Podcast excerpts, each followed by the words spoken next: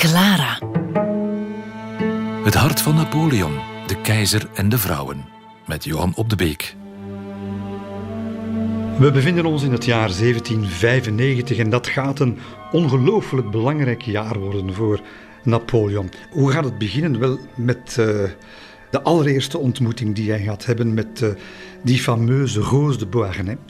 En dat gaat gebeuren uh, ergens eind augustus van dat jaar tijdens een ontvangst in de salons van de Taliens. Weet wel, Theresia Talien, de prachtige vriendin van, van Rose. En de Taliens die, die gaan grote namen uitnodigen. Barras, de topman van de Republiek. Talleyrand, de, de opkomende, dan nog vrij onbekende minister van Buitenlandse Zaken. En wie ook op de lijst staat van de genodigden is generaal Napoleon Bonaparte. Ja, hij is daar, je kunt dat niet anders zeggen, hij is daar de, de absolute outsider, bijna een outcast.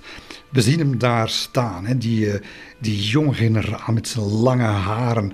Uh, in, in, in alle opzichten een, een vreemd personage met een, een ruwheid, ruwheid van de militair, een onmiskenbaar gebrek aan, aan, aan uh, sociability, aan sociale vaardigheden, maar tegelijkertijd zien, en vooral de vrouwen zien, dat in hem iets anders, een, een, een ongelooflijke brok karakter, fierheid, charisma en dan die, die aparte, die, die kwetsbare charme met dat bleke, uitgemergelde gelaat van hem, die vorm uniform dat hij aan heeft. Je, je, doet je, ogen, je moet je ogen dicht knijpen als je hem ziet, zo ongewoon is die kerel. Dat is trouwens de reden waarom die Thérèse d'Italien die, die rare generaal al na de eerste keer dat ze hem ergens ontmoet had op de genodigde lijst had gezet. En Bonaparte, nog steeds, na, na een reeks fenomenale mislukkingen in de liefde, zullen we maar zeggen, nog steeds op zoek naar een vrouw in de high society die ja, zijn ogen rollen uit hun kassen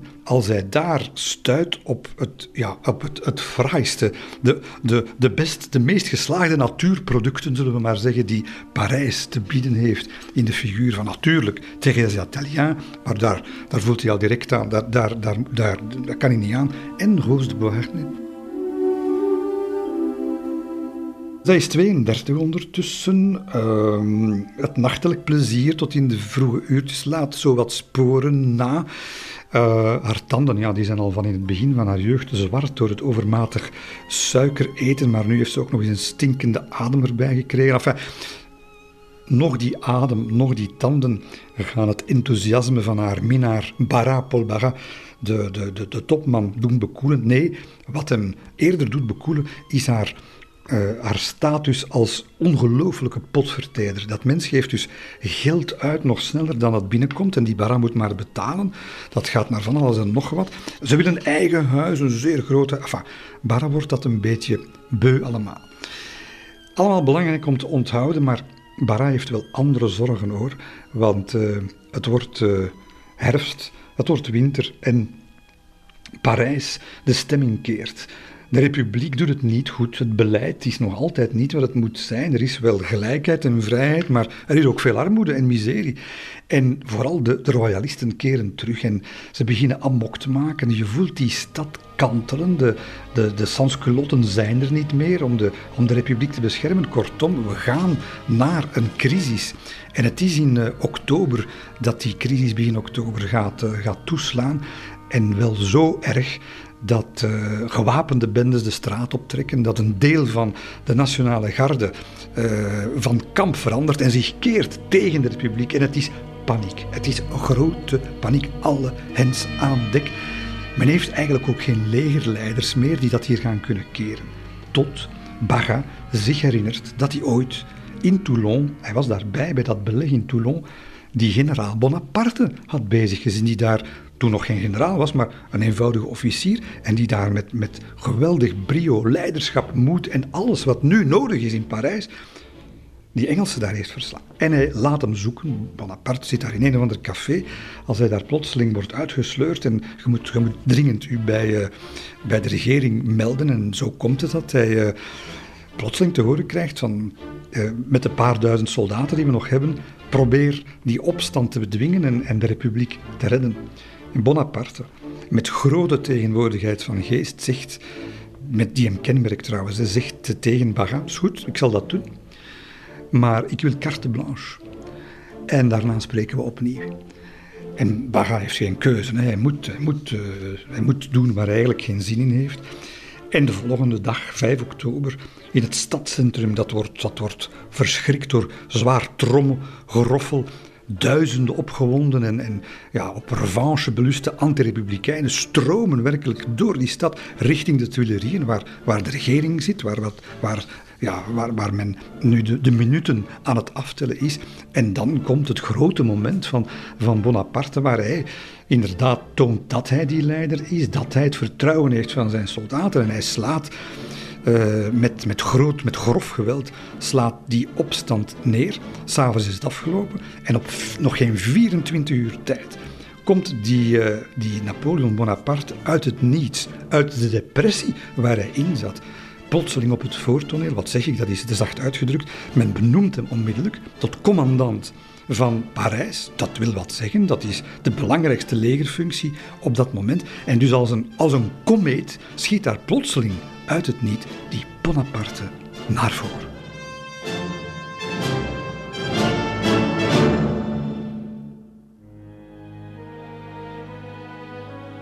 Generaal Bonaparte is uh, druk bezig met het stabiliseren van de binnenlandse veiligheid als hij op het einde van die, die maand oktober, die historische maand 1795, uh, eh, het bezoek krijgt van, van een, een jonge man, een, een, puber in feite.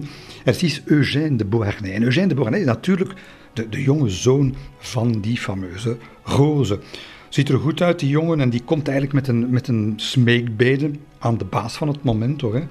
Ehm, het is namelijk zo dat zijn vader, generaal de Beauharnais, vorige keer verteld, geguillotineerd onder Robespierre, dat hij uh, zijn zwaard heeft moeten afgeven. En dat is toch symbolisch en emotioneel belangrijk. En ze, de familie zou dat zwaard graag terug krijgen. Dat is natuurlijk een kleintje voor eh, Bonaparte. En inderdaad, hij, stemt daarin, daarin toe.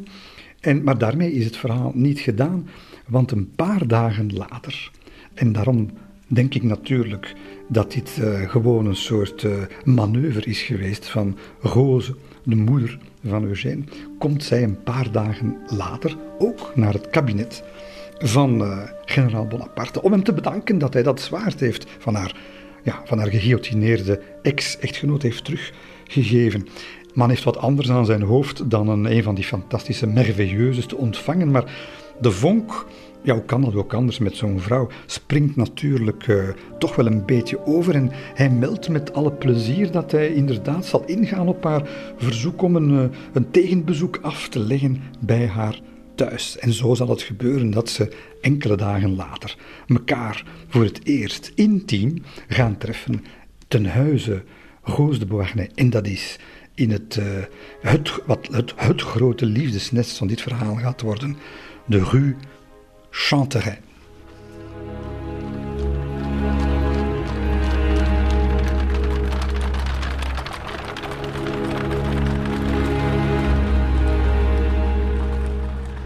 Wie hebben we voor ons? Ja, de 32-jarige Roos de Beauharnais, waarvan uh, de protector Barras stilletjes aan genoeg krijgt. En de, de 26-jarige generaal die, die uh, professioneel vlak het helemaal aan het maken is, maar ondertussen wel een historiek van mislukkingen op het uh, front van de liefde achter de rug heeft. Die twee gaan elkaar zien in de Rue de Chanterein. En het is 48 uur pas nadat Roze dat uh, zogezegd argeloze bezoekje heeft afgelegd aan zijn kantoor, dat generaal Bonaparte tok tok komt aankloppen bij haar. Hij heeft er op dat moment geen benul van dat dat prachtige pand niet eens haar eigendom is. is trouwens weinig luxe te zien.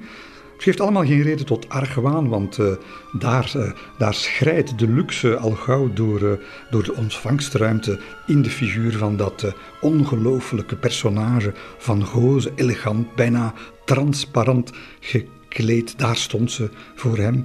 een ondefinieerbare gratie die zijn hoofd doet tollen. En, uh, en, en, duidelijk met een kennis van haar eigen lichaam die zijn hart doet dansen. Ze is in feite bankroet.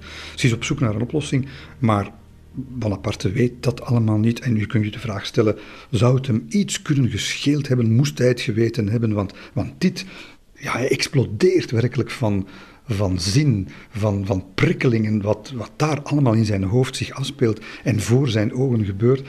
Dit heeft hij nog nooit meegemaakt. En nee, natuurlijk gaat die Roos de die hij die avond ook al meteen zal zeggen dat ze eigenlijk veel beter door het leven zou gaan onder de naam Joséphine. Wel, die Roos de gaat op dat moment nog natuurlijk niet met hem naar bed. Zo gewiekst is hij natuurlijk wel. Uh, hij moet wat sudderen en dat zal hij ook doen. Maar hij gaat die avond natuurlijk terug naar huis met zijn hoofd uh, helemaal in de wolken. En hij zal daar trouwens blijven, want na dat uh, eerste echte rendezvous, ze houdt hem nog even op een afstand, maar ze prikkelt hem onmiddellijk enkele, ja, enkele uren daarna met briefjes als deze. U komt helemaal niet meer langs bij deze vriendin, die u bijzonder op prijs stelt. Verwaarloost u haar. Daar doet u verkeerd aan, want ze koestert tedere gevoelens voor u. Kom morgen, Septidi, bij mij het middagmaal gebruiken. Ik kijk er naar uit om u te zien en met u te praten over de affaires die u bezighouden. Goedenavond, mijn vriend. Je vous embrasse. Wel, die Bonaparte leest dat en die weet niet hoe snel hij zijn pen op het papier kan krijgen om haar te melden dat het hem inderdaad spijt dat hij de verkeerde, och arme die man, de verkeerde indruk heeft nagelaten, dat hij hoopt op vergeving en dat soort nonsens begint hij neer te schrijven. Ja, je kunt die, die, die, die neus van Josephine al zien krullen van ijdelheid en van gevleide superioriteit als ze dat allemaal leest, want ze weet, de vis hangt aan de haak. En dat duurt wel geteld 15 dagen. Of de vis ligt ook in haar bed.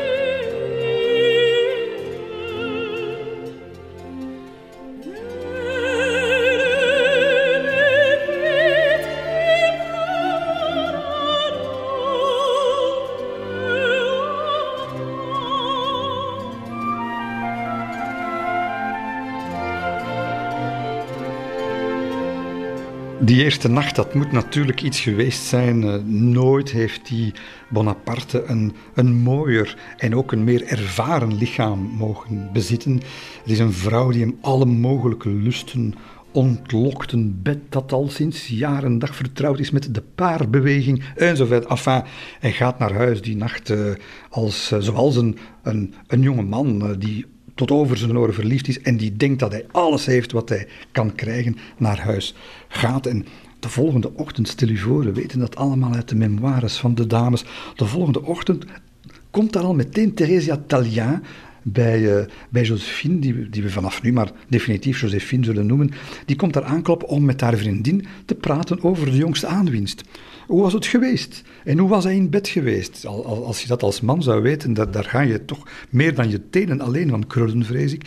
En uh, geen detail blijft daar natuurlijk uh, onbesproken. Tot daar plotseling de deur open gaat en daar een lakij binnenkomt, uh, van een koerier, met op een zilveren dienstblaadje een brief. En van wie is die brief afkomstig? Van natuurlijk generaal Bonaparte, die, die in niets minder dan extase verkeert al. Die natuurlijk heeft niet, niet geslapen en het eerste wat hij doet als op zijn bureau komt, in plaats van de staatszaken en de staatsveiligheid te beredderen, is een brief te schrijven. Het is zeven uur ochtends en ik ben helemaal vervuld van u.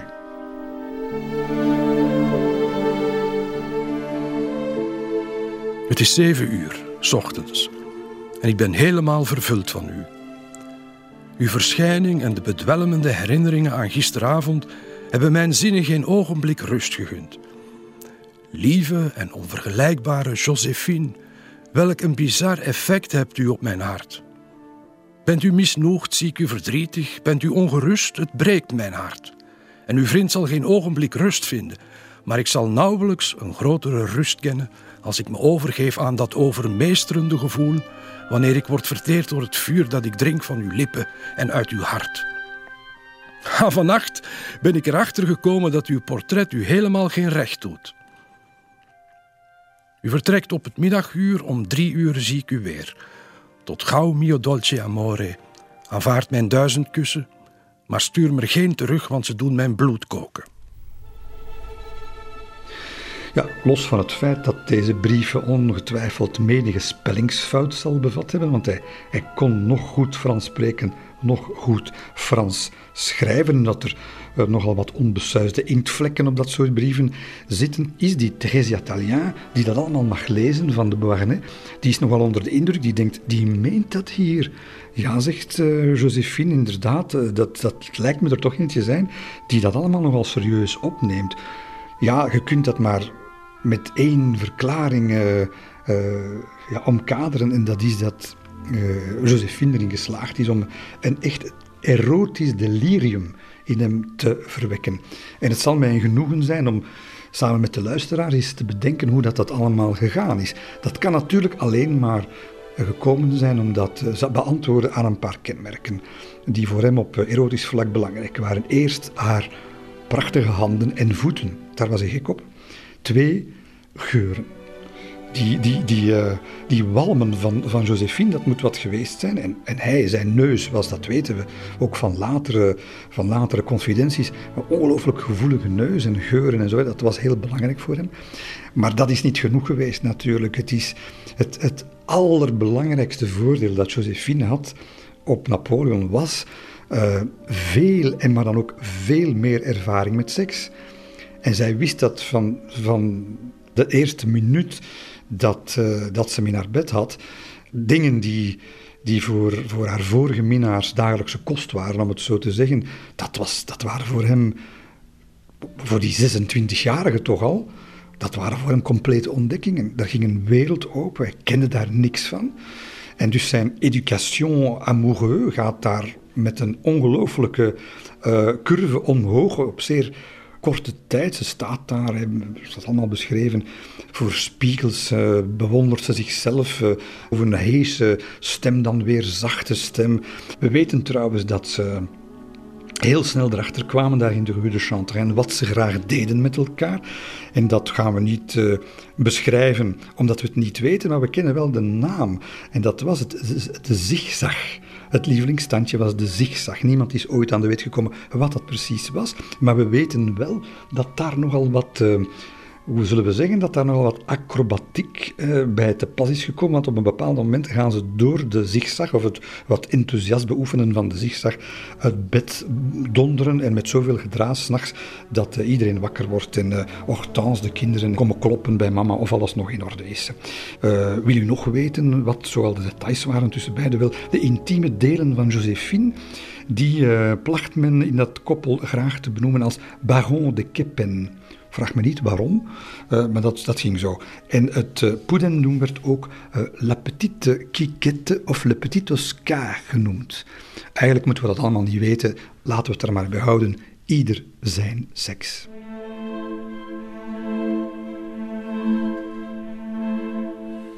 En met seks alleen zijn we er zeker niet om de magie tussen Josephine en Napoleon te, te kunnen duiden, want voor het eerst ook komt hij met een vrouw, en heeft er niet veel gehad, in aanraking die heel, ja, die heel, hoe moet je dat zeggen, die tactiel is, die niet alleen bezig is met uh, de strelingen van, uh, van de copulatie, maar, maar ook aanrakingen van tederheid die hij nooit gekend heeft. Die ook in zijn jeugd, vergeet niet, van zijn negende tot zijn zestiende, in kazernes, hè, niet bij moeder, maar in kazernes, nooit gekend heeft.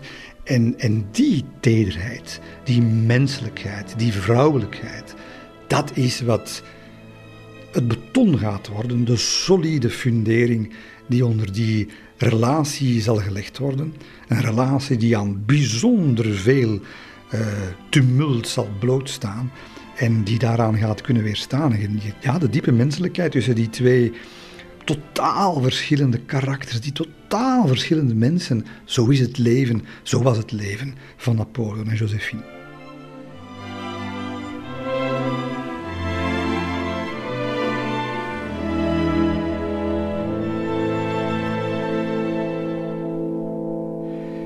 Vier maanden na hun eerste echte kennismaking komen beiden tot het besluit dat er uh, toch maar best gehuwd zou worden. Daar is wat aan vooraf gegaan hoor, want uh, om te beginnen, uh, binnen de beide families is men daar niet meer enthousiast over. Eugène, die is 16 jaar, Hortense is 13 jaar, die zijn nog altijd gehecht aan hun papa, ondertussen overleden, zien die Bonaparte totaal niet zitten. En aan de kant van, uh, van de Bonaparte is het nog erger, want daar heeft men al zoiets de Corsicanen hun oor te luisteren gelegd. Wat voor een mens dat die Josephine de Beauharnais eigenlijk kiezen. Ja, uh, luxueuze levensstijl, maar ja, wel te danken aan een, een, in de ogen van de Bonapartes een zeer discutabele levenswandel.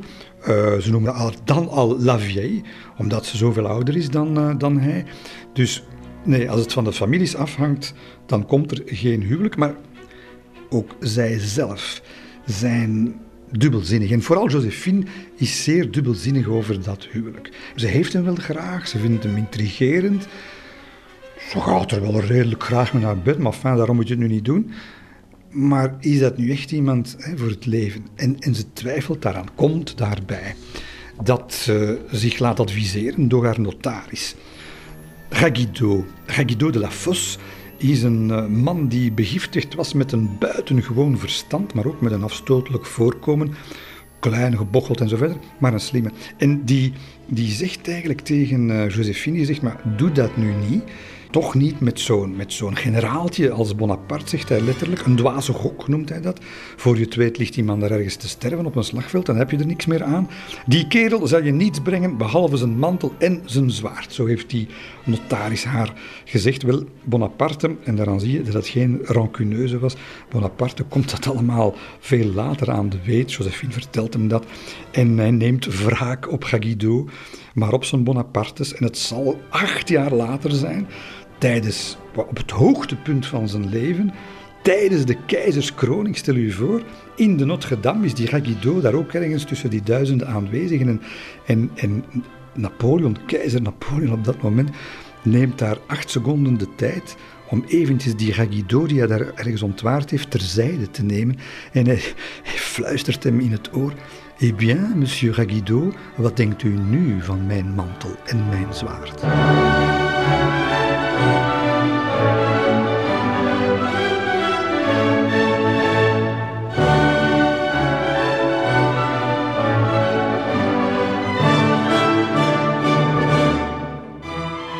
Nu, Josephine laat zich niet alleen bijstaan door uh, haar notaris, maar eigenlijk ook al haar vriendinnen. Dat wordt eigenlijk dat, dat aanstaande mogelijke huwelijk, wordt eigenlijk de talk of the town in Parijs. Iedereen is daarover bezig. Uh, iedereen discussieert daarover. Bara natuurlijk ook, en die wil vooral dat het wel gebeurt. Enfin, om een lang verhaal kort te maken, het zal gebeuren. En op 9 maart 1796, natuurlijk een burgerlijk huwelijk, hè, je gaat als republikeins generaal niet voor de kerk trouwen, zal het eh, plaatsvinden in het tweede arrondissement in de Rue d'Antin. Het is berenkoud, sneeuwvlokjes dwarrelen uit de hemel en niemand van de familie, niemand, dus Eugène en Hortense willen niet komen, de Bonapartes, die willen niet komen. Maar er zijn wel belangrijke mensen, wat zeg ik, de belangrijkste, Paul Bagat, baas van de regering, Jean-Lambert Tallien, uh, lid van de volksvertegenwoordiging, goede vriend, uh, een, een, advocaat die Napoleons eerste getuige is, en dan uh, Josephine met, met haar getuigen. En het is al donker als zij dat gemeentehuis binnenstapt. niemand te bekennen eigenlijk voor de rest. Een beetje sober is het daar en, en ze wachten. En ja, er is daar een commissaris van de Republiek, de eenbenige Colin Lacombe en de burgemeester. Iedereen wachten. En uh, ja, het middelpunt van de belangstelling is er niet, want uh, de generaal, de bruidegom, die komt maar niet. En Baga, stel je voor, dat, dat, zijn dus, dat zijn dus de belangrijkste figuren van, van het moment. Die zitten daar te wachten in zo'n gemeentehuisje op meneer. Jamais vu cela, un marié qui oublie le jour de ses noces. Het wordt negen uur. Die burgemeester wordt kwaad, die gooit de deur toe, die zegt ik heb genoeg gewacht, die is weg. Une heure de retard Josephine in tranen, hij gaat daar dat toch niet aandoen. Uh, midpunt van spotternij, ze zitten al voor zich, uh, te midden van, van, die, van die belangrijke figuren en zo. En plotseling hoort men daar de onmiskenbare stormpas van de generaal op de trappen, die daar uh, vol vol ongeduld die, die trapzaal eh, opstormt, binnenloopt en zonder excuses gewoon eh, eruit flapt. Vooruit met die trouw. Allez, monsieur, mariez-nous vite. Vous voyez bien que j'attends. En voilà, nog voor ze het weten, is het daar allemaal getekend. Eh bien, général, vous embrassez votre femme. Staat dat gezelschap op straat. En wie misschien nog het meeste tevreden was onmiddellijk na het huwelijk, dat zal uh, Josephine geweest zijn. Want twee dagen, twee dagen nadat die plechtigheid nou ja, plechtigheid, hè, daar wat gemeentehuis heeft plaatsgevonden, krijgt Bonaparte een oproepingsbevel. Hij moet onmiddellijk de postkoets in naar het zuiden. Hij moet naar het zuiden van Frankrijk om daar de leiding te gaan nemen van zijn eerste, wat zijn, zijn eerste grote leger gaat worden, zijn eerste grote taak. En ja, het gaat een ongelooflijke geschiedenis worden, L'Armée de l'Italie, waarmee hij de Oostenrijkers in het noorden van Italië moet trachten uit uh, Frankrijk weg te houden. Gelukkig hebben ze hun huwelijk al lang geconsumeerd natuurlijk, die twee, want uh, hij moet weg, hij moet onmiddellijk weg. Uh, het is even slikken, ze zal alleen meegaan in zijn binnenzak als portret. Allons ma belle, il faut se quitter.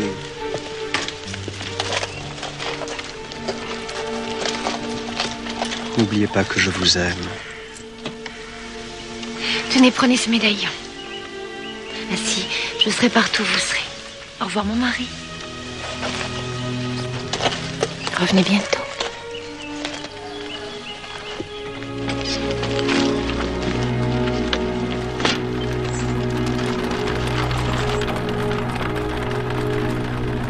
Dus in maart 97 vertrekt Bonaparte naar de Côte d'Azur En het duurt niet lang, uh, een paar dagen maar, of al op 14 maart uh, schrijft hij vanuit het postgebouw van Chanceau, ergens onderweg, een brief aan Josephine, uh, die dan zijn adjudant Junot zal moeten naar Parijs laten brengen. En dat wordt de eerste brief van een heel lange reeks liefdesbrieven. En ik moet u zeggen, mijn, mijn enthousiasme daarover is, is, is grenzeloos, want dit is dit is, die zijn zo passioneel, zo hartstochtelijk, zo onstuimig, dat je die alleen maar kan betitelen als de meest verheven romantische correspondentie van de, van de hele 18e eeuw, misschien de, de 19e erbij. Het is de, ja, de essentie van de verliefde ziel die we daarin terugvinden, slingerend tussen de meest uitzinnige wanhoop van de verliefde die, die, die zijn dromen eigenlijk maar gewoon door zijn, door vingers voelt, voelt glippen als loszand, tot en met de, de complete, de, de onzinnige euforie. Dat allemaal ga je lezen in die, in die ongelooflijke brievenreeks. En het begint al, uh, het begint al, al goed eigenlijk, want de eerste woorden van die eerste brief, die luiden als volgt. Elk moment scheidt me verder van jou, mijn liefste, en elk ogenblik vermindert mijn kracht om die scheiding te verwerken. Onafgebroken gaan mijn gedachten uit naar jou. Mijn verbeelding put zich uit omdat ik wil bedenken wat je op dit ogenblik aan het doen bent. Mogen mijn gesternte, dat mij steeds op momenten van gevaar heeft behoed, ook jou omringen, al moet ik nu zelf mijn lot ongewapend tegemoet zien. Ach, wees niet blij, maar een beetje melancholisch. En heb vooral geen zorgen. En behoed je lichaam voor ziekte. Schrijf me alsjeblieft, mijn liefste, schrijf me veel. En aanvaard duizend en één kussen van je allertoegewijdste en echte minnaar, Bonaparte. Van je allertoegewijdste en echte minnaar, Bonaparte. Om te beginnen schrijft hij zo ongeveer, en zijn, zijn Junot, zijn adjudant, wordt daar ongelooflijk gek van natuurlijk. Die ordonnans die krijgt elke dag een brief toegestopt met altijd datzelfde adres à la citoyenne Beauharnais, rue Chanterein à Paris. Maar ondertussen komt er niet één brief van die mevrouw Josephine Bonaparte heet ze nu, uh, aan in het hoofdkwartier. Uh, niks krijgt hij te lezen. En dat is niet helemaal zonder reden, want in Parijs heeft mevrouw Bonaparte, Josephine, opnieuw de draad van haar vroegere lustige leven weer opgevat. En ja, je hoort dan geruchten over uh, uh, het fladderen van het ene feestje naar het andere. En misschien ook van, van de ene mooie jongeling naar de andere. Beeld je maar eens in, in de plaats van, van die generaal Bonaparte met zijn voeten in de modder en het bloed daar in Italië. En, en van die vurige, passionele echtgenote die hij in Parijs heeft achtergelaten. Daar vindt hij in die paar brieven die hij dan van haar krijgt eigenlijk niks meer terug. En dat begint aan hem te knagen en hij vervalt weer terug opnieuw in zijn vroegere depressieve bui, die depressies die hij had voor hij haar leerde kennen. Het knaagt aan hem, getuigen een, een, een brief eh, van 30 maart. Ik leef geen dag zonder van jou te houden. Ik leef geen dag zonder van je te houden. Ik leef geen nacht zonder je in mijn armen te sluiten. Ik kan geen kop thee drinken zonder de glorie en de ambitie te vervloeken die me zo ver van de zin van mijn leven hebben afgeleid. Midden in de zakelijke beslommeringen, rijdend door de velden aan het hoofd van mijn soldaten, heeft alleen mijn liefste Josephine een plaats in mijn hart, mijn geest en mijn gedachten. Als ik me van jou heb verwijderd met de snelheid van de stromende Rhône, dan is het alleen om zo snel mogelijk weer bij je te zijn. Als ik midden in de nacht opsta om te werken, dan is het om de zaken vooruit te doen gaan, zodat mijn liefste sneller op bezoek kan komen. En toch schrijf je in je laatste brief van 13 maart: Vous. U. U. U bent zelf een u. Ah, jij verdorven wezen, hoe kon je dit schrijven? Hoe koud is die brief? En tussen de dertiende en de zestiende, wat heb je daartussen gedaan? Waarom heb je niet naar je man geschreven? Ah, mon ami, die vous en die vier dagen doen me verlangen naar mijn vroegere onverschilligheid. Ik verdoem de man die hier de oorzaak van is. Zelfs de hel is niet voldoende. Nog de furien, nog de slangen. Voe, voe. Ah, wat zal het binnen vijftien dagen zijn dan? Voe, voe. Ah, wat zal het binnen vijftien dagen zijn dan? En een paar dagen later kan het dan weer net zo andersom zijn. En dan gaan de emoties weer helemaal de andere kant uit en dan kan het weer niet op. En dan schrijft hij: Wat voor kunst is het waarmee je al mijn zintuigen weet te bekoren, heel mijn geestelijk leven in je weet te verenigen. Het is een betovering, mon amour, die pas zal eindigen als ik sterf. Leven voor Josephine. Daarom draait mijn hele existentie. Je zal, Josephine, spoedig hier bij me zijn, aan mijn zijde, aan mijn hart, in mijn armen, op mijn mond. Vlieg tot hier, liefste, kom, kom toch. Ja, ik heb zelden, zelden in de, in de literaire geschiedenis de roep om liefde en genegenheid luider horen klinken dan daar, in die felbevochten valleien van de lage Alpen en, en de bloederige strijdtonelen van de Po-vlakte. En in die brieven maakt hij nu ook. je, je, ziet hem met, met slaande trom door, door Noord-Italië trekken ondertussen in dat, in de, achter die donkere ogen en achter dat bleke gelaat die zorgen die zich opstapelen. En in dat gekwelde, verliefde gemoed. En voor het eerst gaat hij duidelijk maken in zijn brieven dat hij niet kan zonder haar morele steun. Het gaat al lang niet meer om, uh, om het lichaam. Morele steun. Ah, mijn vereerde vrouw. Ik weet niet welk lot mij hier wacht. Maar als het mij nog voor langere tijd van jou verwijdert, dan zal mijn lot ondraaglijk worden. Ooit was er een tijd waarin ik trots was op mijn moed. En enkele malen gebeurde het dat ik oog in oog stond met het kwaadaardigste gevaar zonder dat ik nog maar verbleekte. En zonder me te verwonderen. Maar vandaag sidder ik al bij het idee dat mijn Josephine ziek zou worden. Of vooral bij het funeste, gruwelijke idee dat ze me minder zou liefhebben. Het doet mijn ziel rillen, mijn bloed stollen. Het maakt me verdrietig, terneergeslagen. En laat me zelfs niet de moed van de woede en de wanhoop. Vroeger heb ik vaak tegen mezelf gezegd dat men niets kan beginnen tegen iemand die weet te sterven zonder spijt. Maar vandaag is het anders. Als ik vandaag zou sterven zonder de zekerheid te hebben door jou bemind te worden, is dat een helse gedachte. Het spookbeeld van de absolute vernietiging. Het lijkt wel of ik me voel uitdoven. Mijn enige metgezellin, jij die het lot heeft voorbestemd om samen met mij de lange en moeizame reis van het leven te volbrengen, weet dat de natuur warmte nog bloei meer zal kennen op de dag dat ik voel dat ik je hart niet langer bezit. Ik stop, mijn tedere vriendin. Mijn ziel is trist, mijn lichaam is moe, mijn geest bezwaard. De manschappen hinderen me. Ik zou ze moeten haten omdat ze me van je hart verwijderd houden.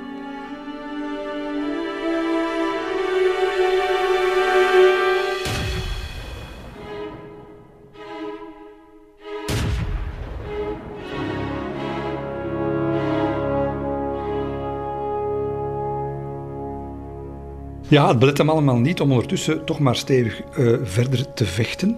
Uh, af en toe komt daar dan nog wel eens een briefje tussen van die Josephine om de zeven weken op de duur. Wordt daar helemaal gek van, die, die Napoleon. En het raakt Josephine's koude kleren niet, want we weten van Theresia Tallien, haar vriendin, dat ze die brieven af en toe eens laat lezen. Die ontboezemingen, echt, die, die, die diepste zielen, zielenroerselen van haar man die aan het vechten is. En dan zegt Josephine met een uitgestreken gezicht, qu'il est drôle, Bonaparte. En ze lachen beiden, is goed. Ja, als je dat leest, het is misschien mijn, uh, mijn man zijn, uh, maar toch, uh, dan ligt je sympathie niet echt bij Josephine natuurlijk. Hè. Op zo'n moment huilt je hart voor Bonaparte natuurlijk, die man. en het is een raadsel, mij is het een raadsel hoe hij dat klaarspeelt om ondertussen niets minder te doen dan grote geschiedenis te schrijven. Niet alleen militaire, maar ook politieke geschiedenis. Want wat hij daar doet, niet alleen hè, moet, uh, moet onze vriend Junot met de brieven naar Josephine naar Parijs rijden, maar ook 22 Oostenrijkse divisievaandels uh, terugbrengen. Want dat is een echte een, een, een flitsend brein die een, die een vechtmachine leidt, die die Oostenrijkers over zich heen krijgen daar. Uh, niet alleen gaat hij winnen van ze, maar hij gaat ook Italië, Noord-Italië, compleet reorganiseren, maakt daar een republiek van. Uh, naar Frans voorbeeld en is daar echt de chef in de, niet alleen de militaire chef, maar ook toont hij daar groot politiek talent. Kun je al denken met de Italianen, dat is niet gemakkelijk. En, en, en hij toont daar iets dat, uh, waarvan men in Parijs niet alleen achterover valt, want dat hadden ze nooit gedacht, maar waarvan men bovendien nu begint te zeggen van momentje, dat, dat, wordt, dat, wordt, dat wordt een concurrent. Niks minder dan een concurrent wordt dat, want natuurlijk wordt die Bonaparte razend populair in Parijs. Terwijl het directoire, de regering, helemaal niet populair is. Ze doen het nog altijd niet goed. Maar bovendien toont hij dat hij, als hij zou terugkomen naar Parijs, dat hij, ja, dat, hij dat politiek ook wel zou aankunnen. En dat is belangrijk, want uh, Napoleon die begint nu stilletjes aan niet alleen getergd te geraken, maar ook woedend te worden over het wegblijven van Josephine. Hij heeft al gesmeekt en gebid op alle mogelijke toonregisters om kom toch alsjeblieft naar Milaan, want en ze komt niet en op een bepaald moment geeft hij gewoon een bevel. Hij stuurt een brief laat die brengen door zijn rechterhand, Muga. En wat doet Josephine? Niks. Ze, ze vertikt het om naar Italië af te reizen. En wat is daar de reden van? De reden wordt een van de figuren die in dit verhaal een belangrijke rol gaat spelen. Dat is een zekere Hippolyte Charle. Wie is Hippolyte Charle? Wel, we zullen hem bestempelen als een goedkoop luitenantje bij de huzaren. Negen jaar jonger, uh, dan, uh, dan Josephine. Als man een complete tegenpool van Napoleon, die hem kent. Hij noemt hem eigenlijk uh, ja, een, een, een, een praalziek uilskuiken, je kunt al denken. Zo'n man met wilde haren, zwarte, zwarte haren, blauwe ogen, grote gestalte, sensueel, charmeur, maar totaal niet begaan met de intellectuele en politieke vraagstukken. Komt eigenlijk Josephine goed uit, want daar is ook niet in geïnteresseerd. En, en bovendien de gave die uh, Hippolyte Charles om mensen aan het lachen te brengen. Niet altijd met hoogstaande humor, veel eer met vaudeville humor, maar bij Josephine pakt dat. En uh, als zij zijn nummertjes opvoert, dan proest het uit in, uh, in lachen. Kinkels plezier, zullen we maar zeggen. Maar, maar wel eens wat anders dan die, dan die zwaarmoedige brieven van haar echtgenoot. Die deprimo-brieven van die overspannen militair. Waar zou ze toch daar uh, haar slaap om laten? En waar uh, Hippolyte Charles natuurlijk nog beter in is dan in Kinkelse boerenhumor. Dat is in kunstjes in het bed. En het worden minnaars en niet zomaar minnaars. Ja, het wordt een affaire die lang gaat duren en waar Josephine compleet overstag gaat. En ze laat zich zien met die, met die minnaar van haar. Ze gaat naar de opera met hem. Ze toont hem aan haar vriendinnen. Uh, dat zijn risico's. En wat ze ook doet ondertussen is uh, geld uitgeven. Geld met sloten tegelijk gaat ze de Rue Chanterein, daar dat... Uh, dat pand uh, inrichten. De bekende uh, kunstenaar Vautier die mag daar Romeinse fresco's op de muren laten verschijnen, inclusief cupido's, zwanen, fallusymbolen, twee marmeren wandtafels, een enorme harp waarop ze nooit gaat spelen natuurlijk, stoelen bij de dozijnen, enfin, Betalen gaat ze zelden doen. Dat gaat ook leiden tot een geweldige schuldentoren die Bonaparte gaat ontdekken later als hij terugkeert. Maar uh, dat zijn zorgen voor morgen. Het leven dient om geleefd te worden. Dat is nu eenmaal het principe van uh, Josephine. En Josephine heeft eigenlijk nog minder zin om naar Milaan uh, te reizen dan voorheen, omdat ze voelt in de brieven van, van haar man dat de intensiteit waarmee hij haar lief heeft, dat die buitengewoon is, dat die, dat die eigenlijk een beetje gestoord is in haar ogen. En ze schrijft dat aan een, aan een vriendin. Ze zegt: Mijn man houdt niet gewoon van mij, hij vereert mij. Ik begin te vrezen dat hij zijn verstand verliest. Hij kan niet meer gelukkig zijn als ik niet aan zijn zijde ben. Ja, persoonlijk vind ik dat nu eigenlijk absoluut niet abnormaal dat een. Uh, zeker pasgetrouwd man zo denkt, of een pasgetrouwde vrouw, maar voor Josephine was dat blijkbaar zeer bedreigend. Dat is een van de redenen waarom ze eigenlijk eh, nog altijd niet wil vertrekken.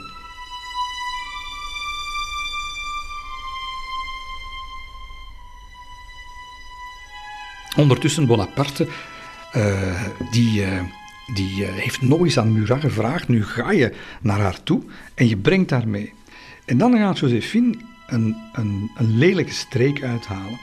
Ze wil niet mee natuurlijk en ze zegt tegen die Murat in Parijs: Kijk, ik, ik mag onder geen beding uh, de koets in, want ik ben zwanger. En dat was een leugen, dat was niet zo. En ja, iedereen blij, zeker Bonaparte wanneer hij dat de twee weken later verneemt, maar hij is blij met een dode mus, want ze is natuurlijk niet zwanger en je kunt je al inbeelden wat zijn, de, de man was, dat weten we, uh, was al van jongs af aan, van heel jong, was hij eigenlijk uh, ja, toch wel. Hij had goesting om vader te worden. Hij was echt wel tuk op een kind, die wilde een kind. Hij heeft een kind en dan blijkt dat, dan blijkt dat niet waar te zijn. En hij zal er dat kan hij er dat vergeven? Ja en nee, want misschien, ja, hoe gaat dat in die tijd? Ze was misschien wel zwanger en het is niet gelukt en zo verder. Een, uh, foute zwangerschap. Uh, dus kan hij er dat kwalijk nemen? Hij weet het niet goed later, maar het, het, zal, het zal op zijn lever, het zal op zijn lever blijven, blijven liggen. In elk geval, hoe zegerijker hij daar in Italië is, hoe meer hij de put ingaat. Um, en hoe meer Josephine zich met zijn wanhopige brieven amuseert. Ze gaat ze zelfs, en dat is toch een steek door door elk mannelijk hart, zal ik maar zeggen, misschien toch hopelijk door de vrouwelijke harten. Ze gaat die liefdesbrieven van haar man laten lezen aan haar minnaar, aan de Hippolyte Charles. En dat schijnt, uh, om het in zijn woorden te zeggen, een hoogst vermakelijk ogenblik geweest te zijn. Het geeft in elk geval een goed beeld van de machtsverhouding in dat huwelijk. Josephine, zelfzeker, Josephine aan het roer, ze heeft hem, uh, ze heeft hem vast uh, en hij onderdanig, wanhopig. Ja, zoals dat gaat in een ongelijke liefdesrelatie die we misschien allemaal wel eens meegemaakt hebben. En, en hij is de emotionele pedalen daardoor uh, helemaal kwijt. En op 11 juni, eigenlijk in, in diepe, diepe veldtocht, hij zit eigenlijk toch wel echt in de miserie. Dat leger, het draait niet meer. Ze moeten echt voor knokken, voor strijden. De, de, de, de verliezen vallen bij bosjes. En hij schrijft op 11 juli in een... Hij, hij spuut het eruit. In, een, een, een brief die bijna... Je moet hem hysterisch noemen, die brief. Je kan hem niet anders betitelen. En hij schrijft het volgende. Jij, jij hebt me lief gehad in een opwelling. En nu vind je me haast belachelijk. Ik vermoed dat je al weet door wie je me wil vervangen. Ik wens je geluk voor zover onstandvastigheid dat kan bieden. Ik zeg niet eens doortraptheid. Je hebt nooit lief gehad. Ik heb mijn operaties hier bespoedigd. Ik heb berekend dat je de dertiende in Milaan zou zijn, maar je bent nog steeds in Parijs. Ik onderzoek mijn ziel en ik onderdruk er een gevoelen dat mij onwaardig is. Als de glorie niet volstaat om gelukkig te worden, dan zal ze toch mijn dood en mijn onsterfelijkheid meebrengen. Wat jou betreft, ik wil niet dat je een hatelijke herinnering aan me zult overhouden. Het is mijn ongeluk geworden dat ik je slechts zo korte tijd gekend heb. En het jouwe is dat je me beoordeeld hebt naar de mannen die je omringen. Mijn hart koestert geen laag bij de grondsgevoel. Het heeft gevochten voor de liefde. Jij hebt het een grenzeloze passie ingefluisterd, een tomeloosheid die het vernedert. Ik hield van alles in jou. Mocht je naïver en jonger geweest zijn, dan had ik minder van je gehouden. Je portret heeft steeds op mijn borst gehangen. Ik kon er niet aan denken of ik heb het gezoend, maar het mijne heb je zes maanden lang niet eens uit de lade gehaald. Niets ontsnapt aan mijn aandacht, weet je? Je hebt me ongelukkig gemaakt en ik waarschuw je daarvoor. Ik voelde het al toen ik je mijn ziel gaf, terwijl de jouwe een rijk zonder grenzen veroverde, waarin je al mijn zintuigen tot je slaaf maakte. Vreed. Waarom deed je me hopen op iets waar je zelf niet in geloofde? Maar verwijten is iets waartoe ik me niet wil verlagen. Ik heb nooit in het geluk geloofd. Elke dag waart de dood hier om mij heen. Is het leven werkelijk waard dat we ons zoveel zorgen om maken? Adieu, Josephine. Blijf in Parijs. Schrijf me niet meer en respecteer tenminste mijn toevluchtsoord. Duizend messen steken in mijn hart, duus er niet verder in. Adieu, mijn geluk, mijn leven. Alles wat voor mij van belang was op deze wereld. Dat is... Je wordt daar stil van.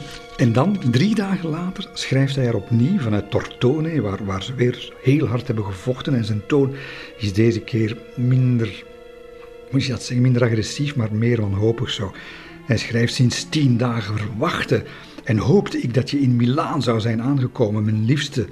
Ik ben net terug van het slagveld in Borghetto en ben meteen naar Milaan gereden om je op te halen. En je was er niet. Mijn ziel is gebroken. Ik voel me verlaten door alles wat me op deze aardbol echt interesseert.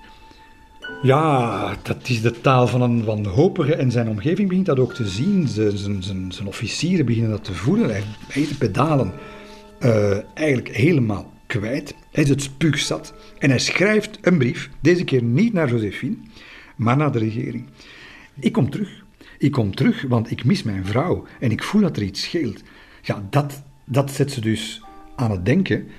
Want als ze u één ding niet willen, is dat die generaal Bonaparte terugkeert naar Parijs.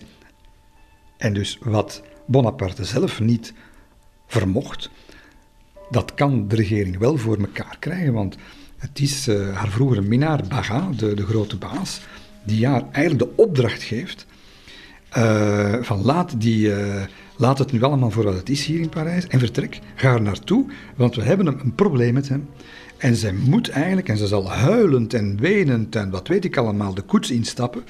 Uh, Baga en, uh, en, nog een andere uh, minister zijn daarbij om te zien dat ze wel degelijk vertrekt.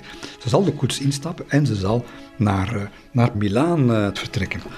Maar of dat de brokken in het huwelijk Bonaparte gaat lijmen, dat zullen we nog moeten zien. U luisterde naar Het Hart van Napoleon met Johan Op de Beek, gebaseerd op het gelijknamige boek. U kunt alle afleveringen beluisteren via clara.be of u kunt zich abonneren op de podcast.